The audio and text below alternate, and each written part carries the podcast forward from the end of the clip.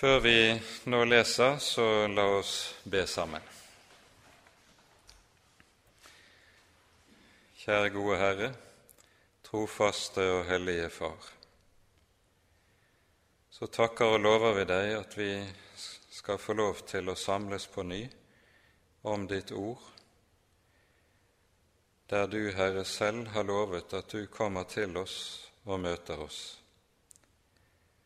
Vi ber deg, gode Herre, at du vil gi oss lydhørhet for ordet ditt, at du vil gi oss åpne ører og åpne hjerter, for at dine ord må få synke inn, slik at det også kan gjøre sin gjerning i livet hos hver enkelt av oss.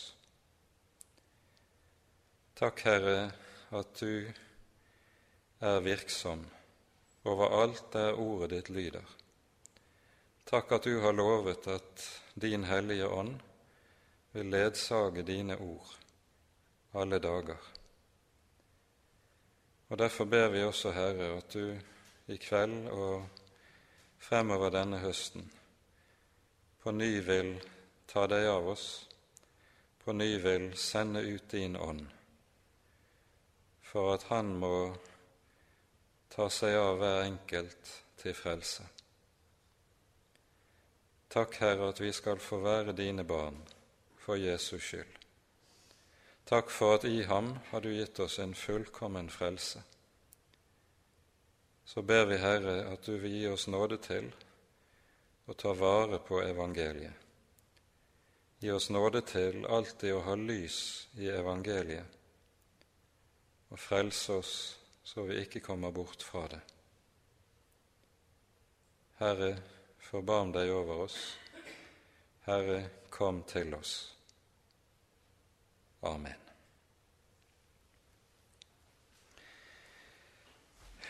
Når vi nå altså begynner på det ellevte kapitlet, så gir vi oss med det i kast med det siste av de tre kapitlene som utgjør en egen bolk i Romerbrevet, kapittel fra og med kapittel 9 og altså ut kapittel 11. Man kaller gjerne dette avsnittet for et frelseshistorisk avsnitt, i det apostelen Paulus her tar opp og behandler først og fremst Israels stilling i frelseshistorien og forholdet mellom Israel og hedninger i frelseshistorien. Og Det som er foranledningen til at apostelen tar opp eh, denne problematikken, det er at det åttende kapittelet i Romerbrevet munner ut med en veldig frimodig lovsang til Gud om hvorledes Han holder fast på sitt ord og sitt løfte, og at intet, verken i himmel eller på jord, verken liv eller død, verken av det som nå er eller komme skal, skal kunne skille oss fra Guds kjærlighet i Kristus Jesus.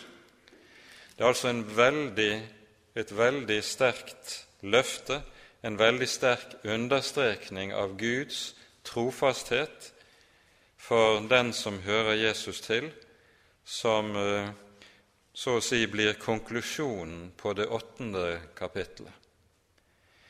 Men da melder med en gang spørsmålet seg, sånn som vi møter det i, fra kapittel 9 av. Ja, hva da med det jødiske folk? Hvordan kan det ha seg at dette folk er kommet bort, at dette folk ikke har del i evangeliet og i frelsen? Er det en troløshet hos Gud? Er det likevel slik at Guds løfter ikke holder? Hva er det som gjør dette? Hvordan henger dette sammen? Og Det er altså denne typen problemer som apostelen tar opp i disse kapitlene. Og Det ellevte kapittelet utgjør så å si konklusjonen på og kronen på Paulus' svar på disse spørsmålene, som slik kan melde seg til anfektelse for noen enhver. Her peker apostelen på i kapittel 11 hvorledes Israels forherdelse også blir et redskap i Guds frelseshistoriske plan. Det er noe av det vi skal tale om i kveld. Og Vi gjør det nå slik at vi leser de tolv første versene av det ellevte kapittel i sammenheng, og så skal vi se nærmere på disse. Jeg sier altså, har da Gud forkastet sitt folk? Langt derifra. Også jeg er jo en israelitt, av Abrahams ett og av Benjamins stamme.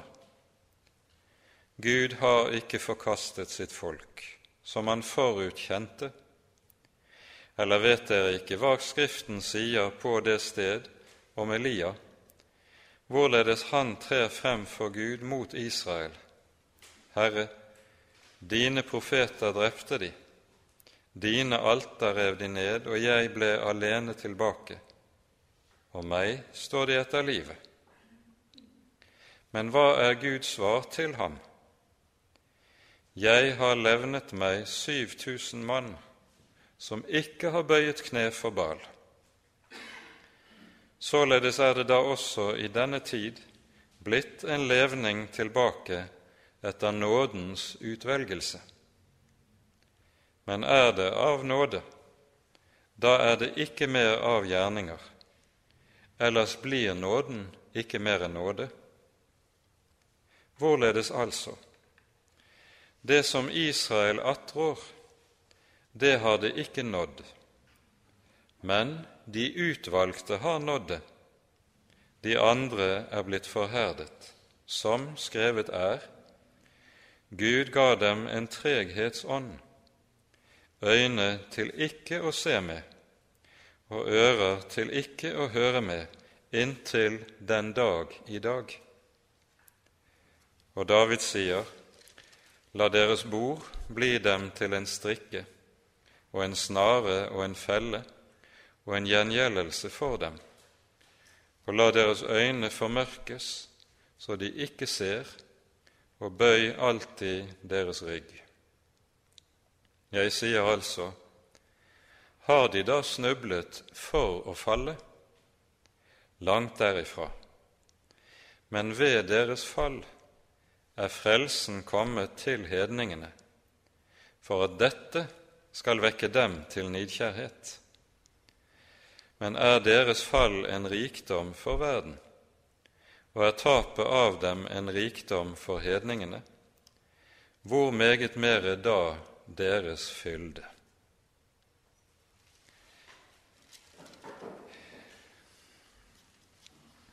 Det første vi skal eh, merke oss innledningsvis når vi leser dette avsnittet som vi her har for oss, er noe som er helt typisk, helt karakteristisk for Paulus sin måte å undervise på.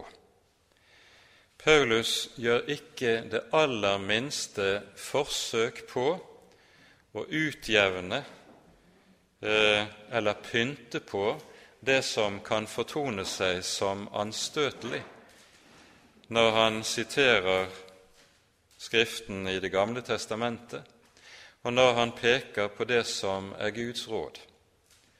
Han prøver ikke å pynte på noe som helst, og han prøver ikke å komme med forklaringer som gjør at det hele blir lettere å akseptere. Det han helt enkelt gjør, det er at han holder frem hva som står skrevet, og hvorledes Guds råd, ifølge det som står skrevet, settes i verk. For en del av det vi hører i dette avsnittet, kan både fortone seg ubegripelig og også anstøtelig for vår menneskelige fornuft. Men Paulus gjør altså ikke noe forsøk på å gjøre det lettere å akseptere slike ting.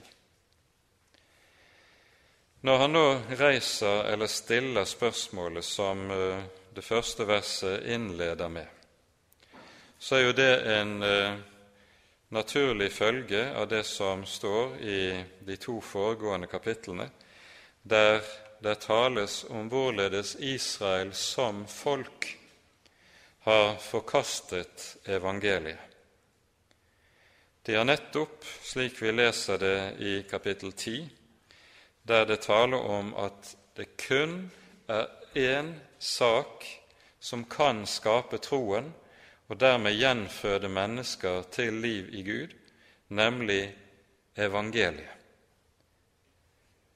Når en avviser evangeliet, da avviser en dermed også det som kan skape det evige liv. I det 17. verset lyder det i det tiende kapittel så kommer da troen av forkynnelsen, og forkynnelsen ved Kristi ord. Og det er dette som skaper troen. Og når dette er avvist av det store flertall av det jødiske folk, så melder altså spørsmålet seg har Gud forkastet sitt folk. Dette er et spørsmål som eh, også er berettiget fordi vi jo leser i en rekke sammenhenger i Det gamle testamentet at Herren truer med å forkaste sitt folk når Hans folk forkaster Hans ord. Her kan vi vise til noen enkeltvers, men det er ikke vanskelig å mangfoldiggjøre eksemplene. Vi kan f.eks. peke på beretningen om kong Saul i Første Samuels bok i det 15. kapittel. Ehm, der eh, står det sånn Gjenstridighet er ikke bedre enn trolldomssynd. Trass er lik avgudsdyrkelse. Fordi du har forkastet Herrens ord har Herren forkastet deg, så du ikke skal være konge. Og så understreker Samuel dette overfor Saul på ny igjen i vers 26. Jeg vil ikke vende tilbake sammen med deg, for du har forkastet Herrens ord, og så har Herren forkastet deg. Og det som kan gjelde for et enkeltmenneske, det kan også gjelde for et folk som fellesskap. Derfor hører vi f.eks. det lyder i annen kongebok i det 17. kapittel, der vi hører om Nordrikets undergang. Så står det selve Nordrikets undergang, som skjer altså ved det asyriske verdensriket, som erobrer Samaria og fører folket i landflyktighet, så behandles dette relativt kort, mens det som er begrunnelsen for at Gud lar dette skje, det utgjør hoveddelen av dette kapittel 17. Og her sies det i vers 20 i det 17. kapittel, etter at det har vært pekt på Israels dype frafall Derfor forkastet Herren hele Israels ett og plaget dem og ga dem i røveres hånd, inntil han kastet dem bort fra sitt ansikt. Det er dypt alvorlige ord som gjentas en, i en rekke sammenhenger også hos profetene. Du kan uh, lett slå etter hvis du har en bibelordbok til dette. Og så stiller da Paulus spørsmålet ganske naturlig ut fra dette. Har da Gud forkastet sitt folk? Og han avviser det blankt. Langt derifra. Men vi skal legge merke til hva som er begrunnelsen for denne avvisning. For det første så peker han på seg selv. Jeg er jo også en israelitt. Poenget er at dersom Israel ble forkastet fordi de var jøder fordi de var israelitter, da måtte jo også apostelen selv være forkastet fordi han var jøde.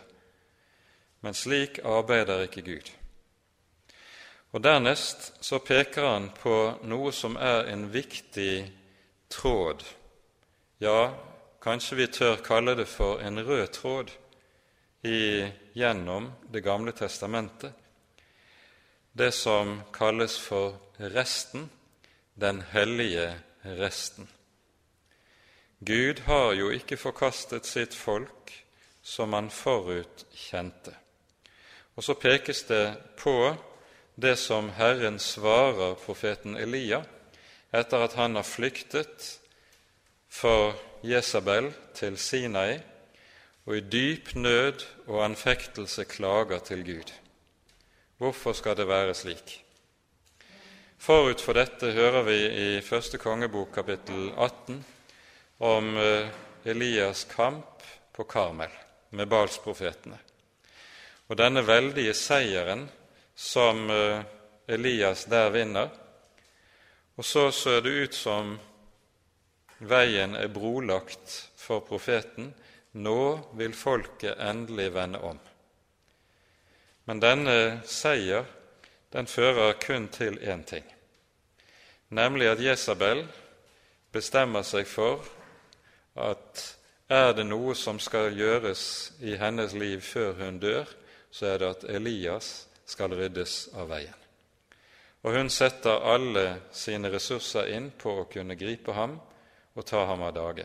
Og så flykter Elia ut i ødemarken, og fra liksom å være på seierens tinde, så kommer han inn i det dypeste, dypeste mørket. Og der i dette mørket han så klager til Herren på sin ei, og får det svaret som vi her leser. Herren sier, Jeg har levnet meg 7000 menn som ikke har bøyet kne for Baal. Således er det da også i denne tid blitt en levning tilbake etter nådens utvelgelse. Det er altså en rest av Israels folk som har tatt imot evangeliet, som har troen, og som derfor utgjør det som er det sanne Israel. For vi merker oss at dette nettopp er noe av det som Paulus taler om ved flere anledninger. Vi har allerede i forbindelse med det som står i kapittel 2, pekt på denne saken. Det er jo slik at omskjærelsen var gitt Abraham og hans etterkommere som tegnet på pakten som Herren hadde sluttet med folket.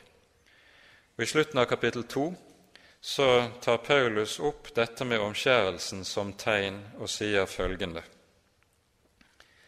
Ikke er den jøde som er det i det åpenbare, Heller ikke er det omskjærelse som skjer i det åpenbare, på legeme.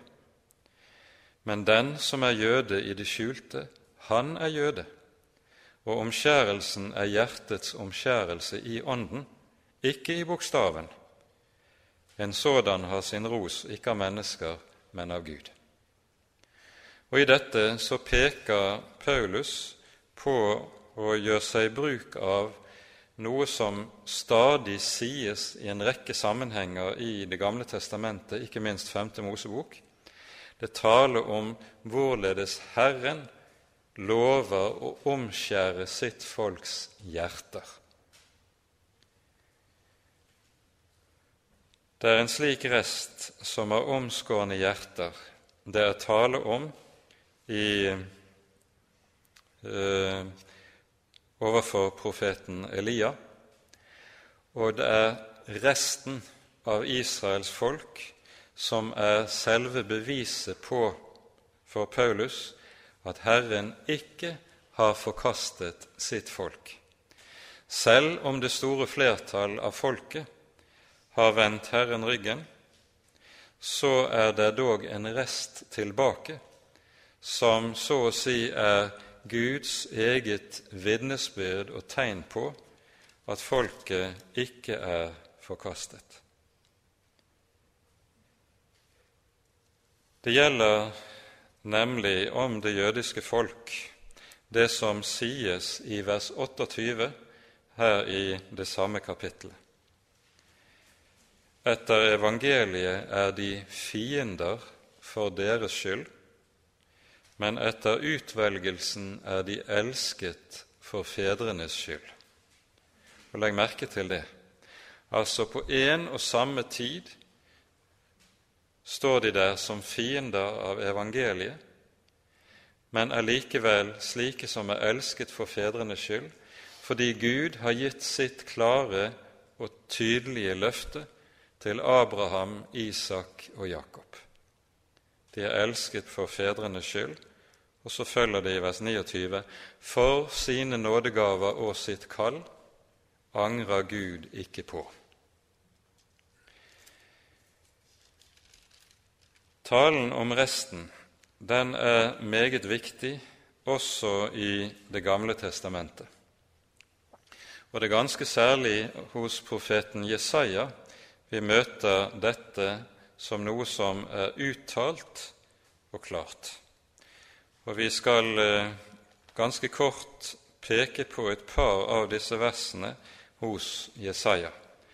Det er først og fremst i de tolv første kapitlene i Jesaja-boken, det avsnittet som gjerne kalles for Immanuelsboken, i begynnelsen av profeten Jesaja, vi møter dette. Først må vi peke på det som er sentralversene, og det står i Jesaja kapittel 10. Her er det nettopp tale om hvorledes Herren vil dømme sitt folk, og bruker det asyriske verdensriket som sitt redskap for å iverksette dommen. Men nettopp i denne dommens tid sies det så ifra vers 20. På den tid skal levningen av Israel og de unnkomne av Jakobs hus ikke mer bli ved å stole på ham som slo det, dvs. Si Asyria, men de skal trofast stole på Herren, Israels hellige. En levning, en rest, skal omvende seg, levningen av Jakob til Gud, den veldige. Dette sies inn i en situasjon hvor det ser ut til at verdensriket skal komme til totalt å gjøre ende på Guds folk, slik at det ikke lenger er noe fremtid og noe håp for folket. Og så svarer Herren med å si at vel skal dommen komme, men ut av dommen skal det altså tre frem en rest, som er kjennetegnet av det som vi hører her. Den skal trofast stole på Herren, Israels hellige. Dette budskapet møter vi også igjen i det sjette og det syvende kapitlet. I det syvende kapitlet møter vi det i sammenheng med at eh, profeten Jesaja sendes til kong Akab eh, Unnskyld, kong Akas, som står overfor nettopp denne vanskelige tiden, og han får befaling om å ta med seg sin lille sønn. Og sønnen til Jesaja heter Shear Yashuv. Og Dette skal være en anskuelsesundervisning overfor kongen i den situasjonen som folket nå er i. For navnet Shear Yashuv det betyr nettopp en rest skal omvende seg. Det samme møter vi også i det siste verset i kapittel 6, et kapittel som vi må vende tilbake til og oppholde oss en del med i dag.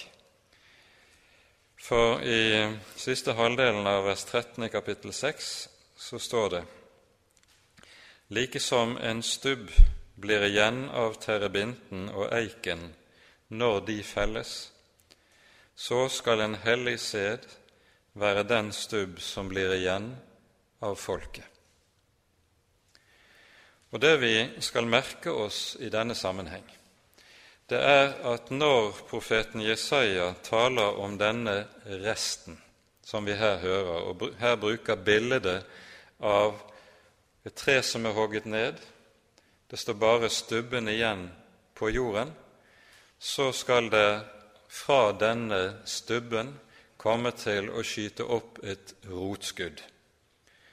Og Dermed er vi inne i det sentrale kapittelet, kapittel 11, et kapittel som i sin helhet er en Messias-profeti. Her sies det fra vers 1 i Jesaja 11.: En kvist skal skyte frem av Isais stubb, og et skudd fra hans røtter skal bære frukt. Herrens ånd skal hvile over ham, visdoms- og forstandsånd, råds- og styrkes ånd, den ånd som gir kunnskap om Herren og frykt for ham. Vi leser ikke resten av kapittelet, men kapittelet i sin helhet handler om Messias komme og om den velsignelse hans komme skal bringe over folkeslagene. Poenget er at Messias er spiren som skyter opp av treet som er hogget ned ved roten. Og så skal han bære frukt. Folket har ikke båret frukt. Det var et tre som Herren hadde plantet med tanke på at han ville ha frukt av sitt virke og av sin gjerning i folkenes liv men de har ikke båret frukt. Og så svarer Herren med at han hogger treet ned ved roten. Og så ser det ut til at det er fullstendig slutt med Israels folk. Men så kommer løftet. Av denne stubbe skyter der en spire frem. Og så fra denne dag av er spire navnet på Messias et av de sentrale navnene på Messias i Det gamle testamentet. Det er et navn på Messias som ganske særlig anvendes i tekster og i sammenhenger hvor det er tale om den dom som Guds folk også må igjennom. Men midt i dommen skal det altså spire frem en spire. Han skal bære frukt. Det er Han som er det gode tre som bærer frukt, og frukten, det er nettopp leber som priser Herrens navn, at det er hjerter som vendes om til Herren. Det er resten. Resten er knyttet uløselig sammen med spiren som kommer. Og Slik ser vi at det vi møter i disse kapitlene i Romerbrevet, hvor det taler om resten, som er tilbake, så er det en rest som nettopp er tilbake i kraft av at de har tatt imot evangeliet og slik er blitt stående som det sanne Guds folk. Det er tankesammenhengen hos Paulus, som jo kjenner Det gamle testamentet ut og inn. Han kan det utenat. Og Derfor, når han siterer tekster fra Det gamle testamentet, så gjør han det så kortfattet og komprimert at for oss er det ikke alltid lett å forstå sammenhengen i Paulus' tenkning dersom vi ikke også kjenner inngående tekstsammenhengen som sitatene er hentet ut av. Og Det er viktig å være klar over for når Paulus siterer Det gamle testamentet, så er det mange som tenker så, slik at Paulus bare river løs enkeltvers fra sin tekstsammenheng, og så siterer han dem ofte nærmest i strid med det som er tekstsammenhengen. Slik kan man kun tenke dersom man ikke har Paulus' fortrolighet med Det gamle testamentet. For saken er at det er det motsatte som er tilfellet. Når Paulus siterer Det gamle testamentet, enkeltvers, så, siterer, så er disse versene slik at de likesom i en sum gir et komprimert uttrykk for det som hele tekstsammenhengen lærer og forteller oss. Og det gjelder ikke minst om det avsnittet vi er inne i her i Romerbrevet kapittel 11. Således er det da også i denne tid blitt en levning tilbake etter nådens utvelgelse. Vi skal bare her også føye til en annen sak som er viktig å være oppmerksom på. Elias visste tydeligvis ikke om disse 7000 som ikke hadde bøyet kne for Baal. Han trodde han var den siste tilbake i folket. De 7000 var altså slike som så å si var usynlige. Og i det ser vi noe som er og blir et kjennetegn på den sanne kristne menighet alltid gjennom historien. Den sanne kirke er usynlig. Den, slik er det fordi troen er noe som sitter i hjertet, og fordi et menneske frelses ikke av gjerninger, men nettopp ved tro på evangeliet. Dersom man ble frelst på grunnlag av gjerninger, da ville den sanne kirke vært synlig. For da kunne du umiddelbart identifisere Kirken med å si det at der er det så og så mange gode gjerninger, følgelig der har du den sanne kirke. Men slik er det ikke. For vi lærer meget tydelig i vår bibel at den kristne menighet består av syndere som er frelst ved troen på Jesus. Og I Romerbrevets fjerde kapittel setter jo Paulus dette meget skarpt på spissen. Han sier 'den som ikke har gjerninger, men tror på Ham som rettferdiggjør den ugudelige', ham regnes hans tro til rettferdighet.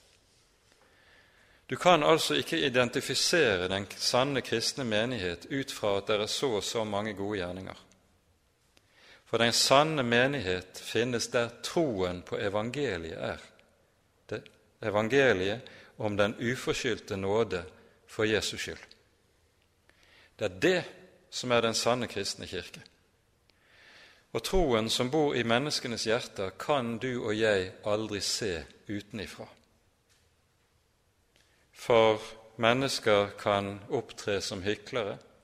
I den ytre kirke vil det alltid være slik at det også vil være slike som vel har den ytre bekjennelse, men ikke har den sanne tro i hjertet. Men du og jeg er ikke i stand til å identifisere hvem som er det ene, og hvem som er det andre. Og Derfor lærer vi at den sanne kirke er usynlig. Og Dette er en grunnsannhet i Bibelen som det er viktig å være oppmerksom på. Samtidig er det også slik at den sanne kristne kirke likevel har synlige kjennetegn. Men disse kjennetegnene er ikke noe som du finner hos enkeltmennesker og bestemte personer, men kjennetegnene er evangeliet rett forkynt og sakramentene rett forvaltet. Det er det som er den sanne kristne kirke. Du kan altså si hvor du finner den sanne kristne menighet, men du kan aldri med bestemthet si hvem som tilhører den. Det er en dom som hører Gud til alene, for Han kjenner hjertene. Han vet hvilket hjerte som setter sin lit til Jesus alene, midt i sin synd og sin skrøpelighet, og hvilke hjerter som bare har bekjennelsen i munnen, men ikke troen i hjertet. Det vet Gud, men du og jeg skal aldri gi oss til å forsøke på å være dommer over menneskenes hjerter. Dette er viktig å understreke, og denne sannheten er det vi også møter altså her, hvor vi hører, hører om hvorledes de som i sannhet hører Herren til, så å si var usynlige. Men vi merker oss altså, og det må også understrekes med den aller største styrke, den sanne kristne menighet har synlige og identifiserbare kjennetegn. Evangeliet er rett forkynt, sakramentene rett forvaltet. Der du møter en sann og rett forkynnelse av evangeliet, der er den sanne kristne kirke. Og der du ikke møter en sann og rett forkynnelse av evangeliet, der har du nok en kirke, men det er den kirke som kalles for løgnkirken. Det er ikke den sanne kirke. Og Derfor er det dette som er det saklige kriterium på å skille mellom hva som er den sanne kirke, og hva som er den falske kirke. Du kan vite det enkelt, tydelig og klart der evangeliet er rett forkynt og sakramentene rett forvaltet, der er Kristi sanne kirke. Det får være nok om dette i denne sammenheng. Eh, vi må gå videre i teksten. Er det av nåde, da er det ikke mer av gjerninger, ellers blir nåden ikke mer enn nåde, sier Paulus. Og med det gjentar han og peker han på det som er romerbrevets hovedtema, nemlig at i frelsens sak er tro og gjerninger et enten-eller. Det er aldri et både-og. I frelsens sak er det alltid et enten-eller. Dersom noe menneske ønsker å komme frem for Gud med noen gjerning, så avviser Gud dette på det aller skarpeste av en ganske bestemt grunn, nemlig det som Paulus sier i Galaterbrevets andre kapittel i det siste verset. Han sier her:" Jeg akter ikke Guds nåde for intet, for er rettferdighet å få ved loven, altså ved gjerninger, da er altså Kristus død forgjeves. Den som vil komme frem for Gud med sine gjerninger, han sier altså Jesus er død forgjeves. Han hadde ikke behøvd å dø. Det er forakt overfor korset, overfor den aller største og dyreste gaven Gud har gitt, det at han ga sin sønn i ditt og mitt sted. Det at Gud så det som nødvendig å betale en så høy pris for frelsen. Det er jo nettopp fordi det ikke var noen annen utvei, ikke noen annen måte. Hadde Gud sett en annen måte du og jeg kunne bli frelst på, som ikke hadde kostet ham så meget, så hadde han sikkert fulgt den veien. Men at Jesus lider døden på korset, at Gud altså betaler en så høy pris for vår frelse, det er noe menneskene forakter når de vil komme til Gud med sine gjerninger. Og legg merke til hvorledes Paulus sier her er det det aller skarpeste enten-eller. Enten frelses du av gjerninger eller av tro. Og Dette er da hovedtema både i Romerbrevet og i Galaterbrevet. Vi skal ikke gå nærmere inn på dette, men vi ser hvorledes Paulus på ny og på ny vender tilbake til dette, fordi det er hans hjerte anliggende. Og det er her det er gått galt for Israels folk. Det lyder om Israels folk i det andre kapittel, kapittel vers to slik:" Jeg gir dem det vitnesbyrd at de har nidkjærhet for Gud men ikke med skjønnsomhet. Altså, de brenner av iver etter å oppfylle Guds hellige lov. Men nettopp denne brann for loven er det som stenger dem ute fra evangeliet. Er det av nåde, da er det ikke mer av gjerninger. Ellers blir ikke nåden mer enn nåde. Og så fortsetter apostelen med å si hvorledes altså det Israel attrår har de ikke nådd, men de utvalgte har nådd det, den lille rest. De andre er blitt forherdet. Grunntekstens ord her betyr bokstavelig 'forsteinet'. Som skrevet er, Gud ga dem en treghetsånd, øyne til ikke å se med og ører til ikke å høre med, inntil den dag i dag. Og Dette er et sitat fra Jesaja 29, og nå må vi for forståelsens skyld vende tilbake til Jesaja-boken. Og Det vi her står overfor, er en av de aller alvorligste sannhetene i Guds hellige ord, og som møter oss ganske særlig gjennom det sjette kapittelet i Jesaja-boken. Vi har muligens vært inne på dette i en annen sammenheng tidligere, men vi eh, er nødt til å peke på det i denne sammenheng av teksten. Jesaja-bokens sjette kapittel utgjør så å si noe av et vannskille i det gammeltestamentlige Israels liv og historie. Det er Ussias dødsår.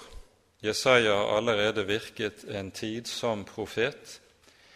Men i det år kong Ussias dør, får profeten en åpenbaring av Herren som står i en særstilling i hele den gammeltestamentlige åpenbaringshistorie.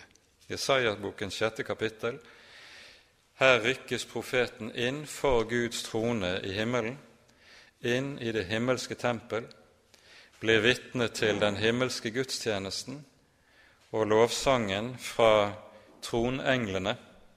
Hellig, hellig, hellig er Herren herskarenes Gud, all jorden er full av Hans herlighet. Profeten stilles overfor den trefoldig hellige, og i møte med den hellige Gud bryter han ut i angst. Ved meg, jeg er fortapt. For i møte med Den helliges lys blottlegges hvem han er, blottlegges hva som bor i ham, avsløres hans egen synd.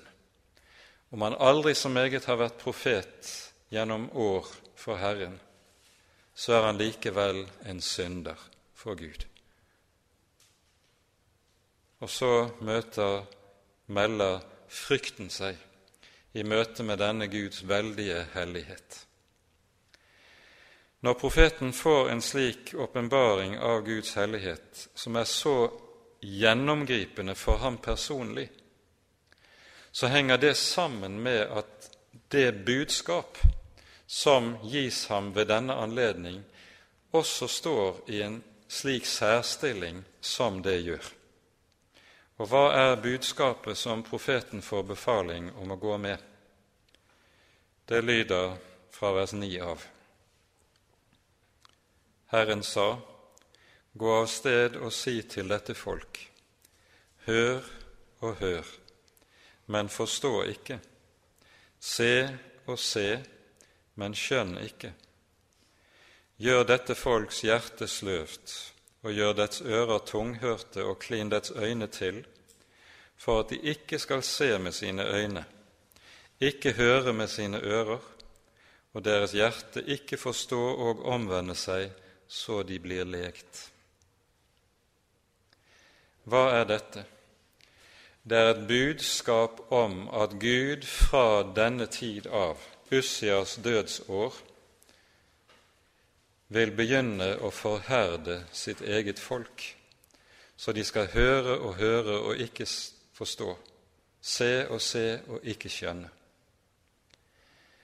Det er altså et budskap som bærer en veldig tyngde i seg. Og hvorfor? Hva er det som ligger bak dette? Årsaken ligger i det vi ser i Israels historie forut for dette. Davids og Salomos tid var så å si det som var høydepunktet i det gammeltestamentlige Israels liv. I og med profeten Samuels virke hadde det vært en veldig folkevekkelse i det jødiske folk. Og denne folkevekkelsen er det som utgjør forutsetningen for Davids og Salomos velsignelsesrike styre. Men så ser vi at allerede på slutten av Salomos liv så begynner forfallet og frafallet å sette inn, både hos Salomo selv, men også i folket ellers. Og Fra denne tid av så Israels folks historie beretningen om et stadig dypere frafall og forfall. Folket forherder seg stadig dypere, stadig hardere mot Herren og mot Hans ord, inntil de kommer i den situasjon der Herren svarer med å si at fra denne dag av vil jeg forherde dere. Jeg vil forherde dere så dere ikke forstår lenger mine ord og ikke lenger blir i stand til å vende om. Det er et forferdelig alvor i det, men i dette ligger det en Guds dom. Altså, Gud svarer med på menneskets forherdelse når den har nådd dypt nok, når den har vart lenge nok, med at han selv begynner å forherde mennesket. Et av de klareste eksemplene på nettopp dette finner vi hos og i beretningen om farao i forbindelse med utgangen av Egypt. Der først, hører vi hvorledes han først forherder seg, inntil du kommer til et bestemt punkt hvor det står da begynner Gud å forherde ham. Og slik kan Herren altså også gjøre med et folk som fellesskap.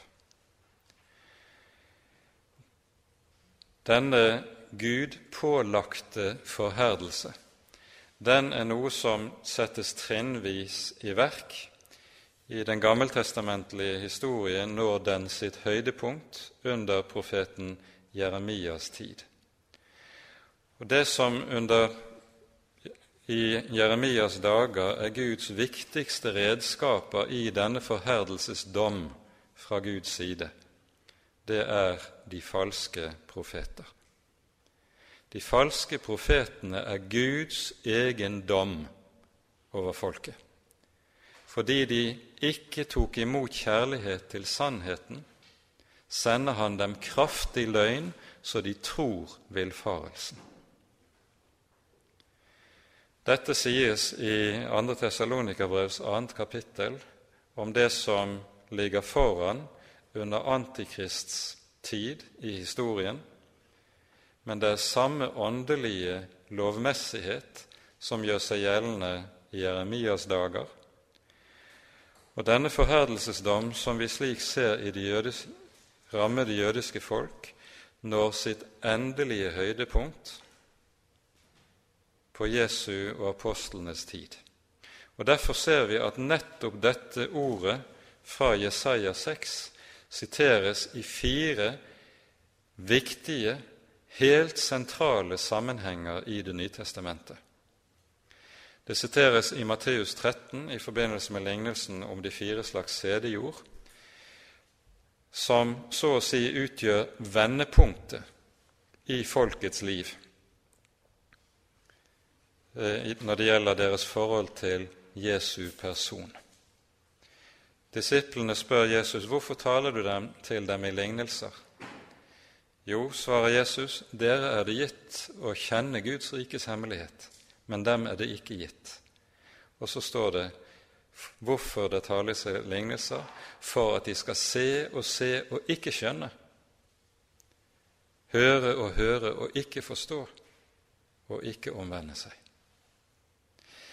Jesu lignelsestale er med andre ord ikke en slags pedagogisk tale som skal gjøre det lettere for folk å forstå hva han mener, men en særskilt tale som har det med seg at for de som hører Herren til, så lukker den opp Guds rikes hemmelighet. Men for de som har forherdet seg, så lukker den hemmeligheten, så de ikke kan se og ikke forstå. Lignelsene er altså en egenartet tale som har dobbelt virkning.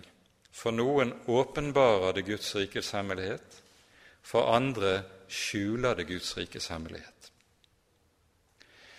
Det andre stedet vil dette siteres i Nytestamentet, er Johannes 12,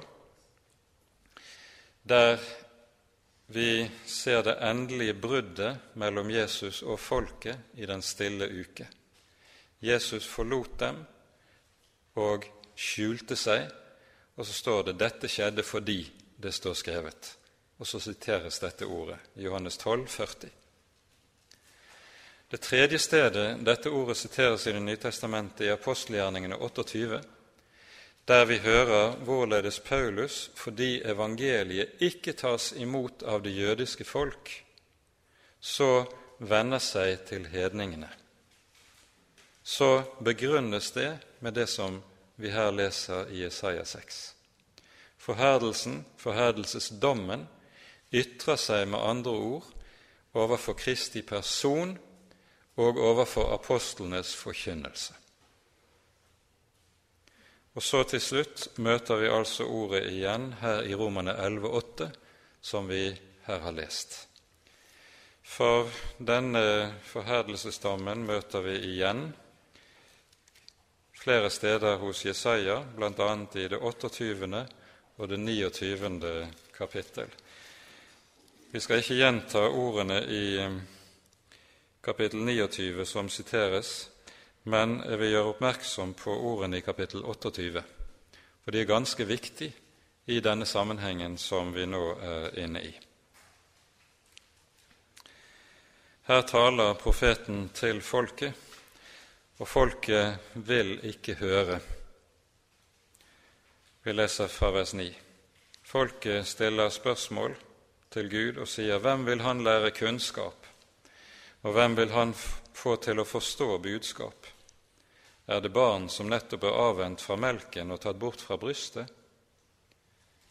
For bud på bud, bud på bud, regel på regel, regel på regel, litt her og litt der kommer han med.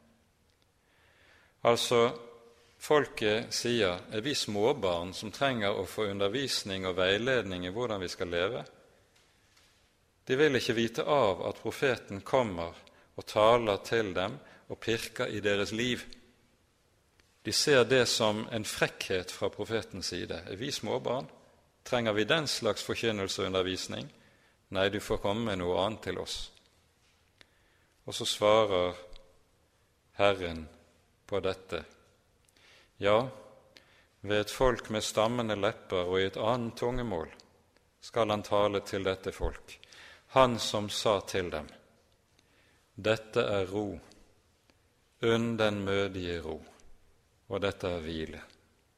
Men de ville ikke høre. Legg merke til hva det er det profeten her refererer til. Profeten har talt et budskap, et frelsesbudskap, som har det med seg at det gir den trette ro, den trette hvile. Men nettopp det vil folket ikke høre. De avviser det. Og så kommer konsekvensen av det. Derfor skal da Herrens ord bli dem bud på bud, bud på bud, regel på regel, regel på regel, litt her og litt der. Og de skal gå og falle baklengs og knuses og bindes og fanges. Herrens ord skjules altså på en slik måte at de ikke lenger blir i stand til å se evangeliet som gir ro og som gir hvile. Det eneste de ser i ordet, er bud på bud, bud på bud, regel på regel. Og nettopp dette er jo det som er den skriftlærde jødedom. Som ene og alene handler om bud og forbud og forskrifter, og mener at all gudstjeneste og all Guds liv handler om nettopp dette å oppfylle Guds bud og Guds lov.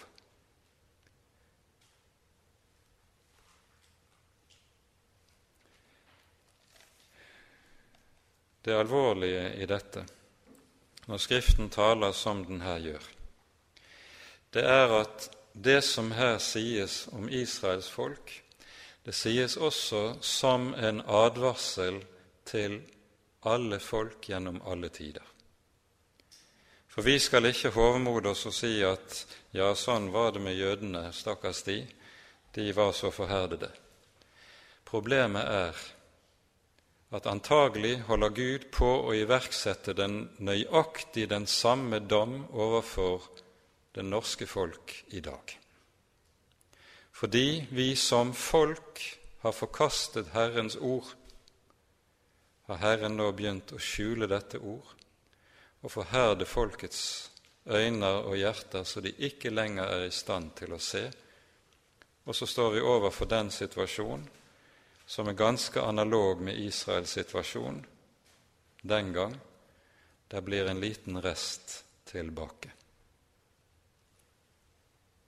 Dette står her som en meget alvorlig advarsel for alle mennesker som stilles overfor budskapet i Guds ord.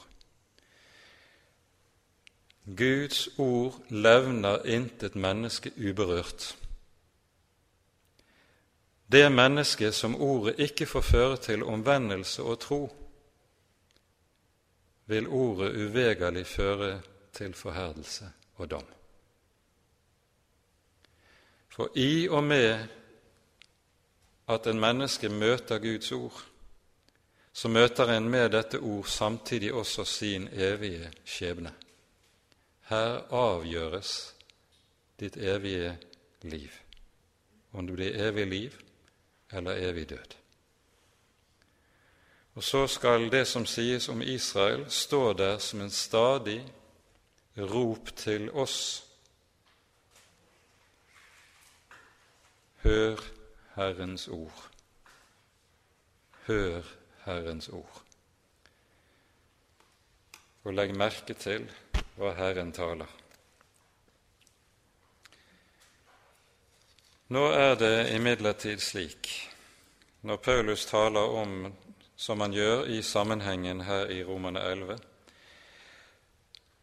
at det forunderlige er at Israels forherdelse kommer til å bli en del av Guds historiske styre, på en slik måte at når dette folk forherder seg mot evangeliet, får det til følge at evangeliet blir hedningene til del. Det er dette gamle bildet med lysestaken som flyttes. Der ett folk avviser evangeliet, får et annet folk del i det, Herren flytter lysestaken. Slik skjedde det med Israels folk, slik kan det også komme til å skje med oss. Allerede i Det gamle testamentet har vi et meget sterkt forbilde på denne saken, nemlig det som vi hører om profeten Jonah. Jonah virker i Nordriket, Israel, og så sendes han til Ninive, til den største byen i hedningeverden. Ninive kalles rett og slett for Den store stad, som var i utstrekning slik at den enda lå i nærheten av det som er Londons utstrekning i våre dager. Så stor var den. Men når Jonah sendes til Ninive, er det fordi Herren holder på å ta lysestaken bort fra sitt folk Israel. Og det er derfor Jonah ikke vil gå til Ninive. Han vet nemlig hva det betyr. Når hedningene skal få Herrens ord, er det fordi Israel nå fratas Herrens ord. Og Derfor drar Jonah motsatt vei, som vi hører det. Det er dette som er det egentlige temaet i Jonah-boken.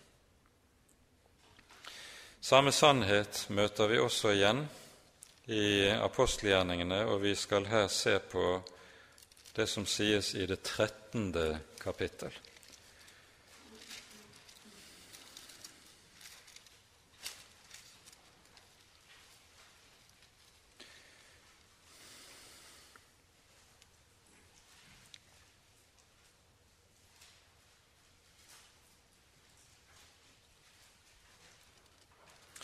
Paulus er ute på sin eh, første misjonsreise, er kommet til Antiokia i Pesidia, der han forkynner evangeliet i synagogen og for det jødiske folk. Paulus gjorde jo alltid dette på sine misjonsreiser. Han gikk alltid i synagogen først. Og så sies det nå fra vers 45. Vi kan ikke lese hele tekstsammenhengen, men ta dere tid når dere kommer hjem, og les hele dette avsnittet i sammenheng. Det er meget lærerikt. Vi leser fra vers 45. Men da jødene så folkehopen, ble de fulle av nidkjærhet, og de motsa det som ble sagt av Paulus. Ja, de motsa og spottet. Da tok Paulus og Barnabas til orde og sa dem rent ut. Det var nødvendig at Guds ord ble talt først til dere. Men siden dere støter det fra dere og ikke akter dere verdige til det evige liv, så vender vi oss nå til hedningene. For slik er Herrens bud til oss.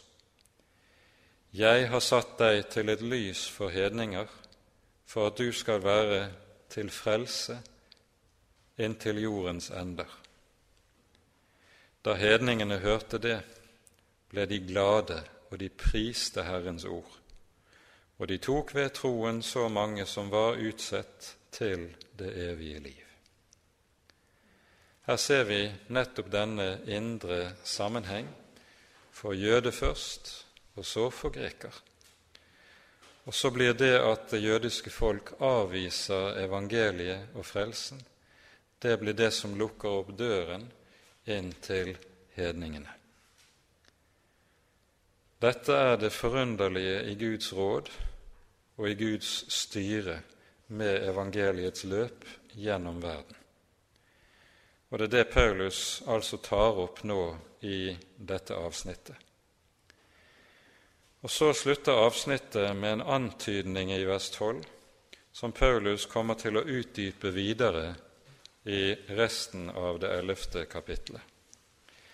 Men er deres fall, altså det at de har snublet mot snublesteinen Uttrykket 'fall' refererer til 9, 32 og 33, som vi har vært igjennom tidligere, der Jesus av Herren er gjort til en snublesten og til en hjørnesten i folket.